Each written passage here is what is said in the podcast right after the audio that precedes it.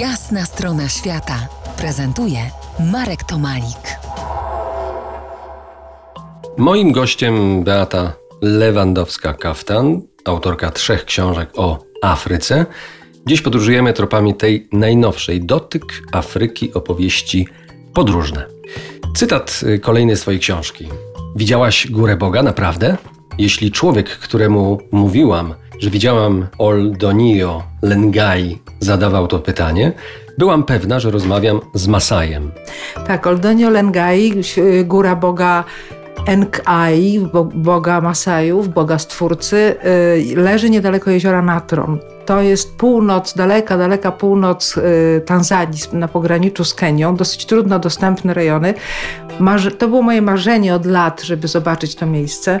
Bo są takie miejsca, które przyciągają. Czasami to jest nazwa, czasami to jest jakiś obraz, który gdzieś nam przemknął przed oczami, czasami to jest czyjaś opowieść. No i tak było właśnie z Natron i z Oldonio Lengai. Bardzo marzyłam o tym, żeby to miejsce zobaczyć, dlatego że to jest bardzo daleko i bardzo dawno.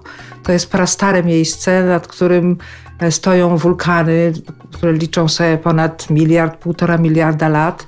Jest to bardzo daleko odległe miejsce od szlaków, typowych szlaków turystycznych, które się ciągną przez północną Tanzanię, od parku do parku kolejnego, e, gdzie ludzie jeżdżą na safari.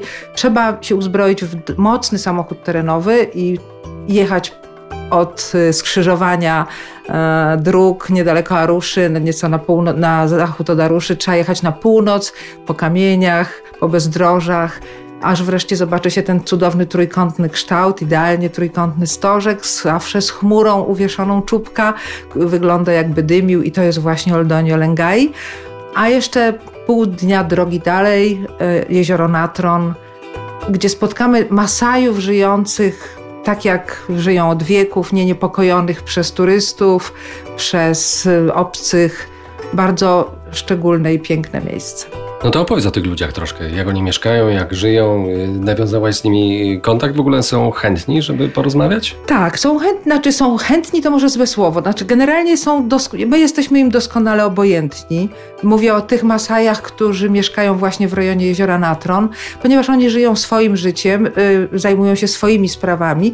Oczywiście przywitają nas, odpowiedzą na powitanie, y, odpowiedzą na pytania, pokażą różne miejsca, ale to nie ma nic wspólnego z żadną przepraszam, turystyczną cepelią, z żadnymi występami. My po prostu skoro tam przyjechaliśmy, dobrze, za dzień, dwa odjedziemy, to niczego nie zmienia w ich życiu. I to jest najwspanialsze właśnie w tym miejscu, w odróżnieniu od wielu innych miejsc, w których można spotkać Masajów, do których prowadzą często biura turystyczne, no do takich wiosek, które stały się rodzajem atrakcji już dla, dla turystów. To jest jasna strona świata w RMS Classic.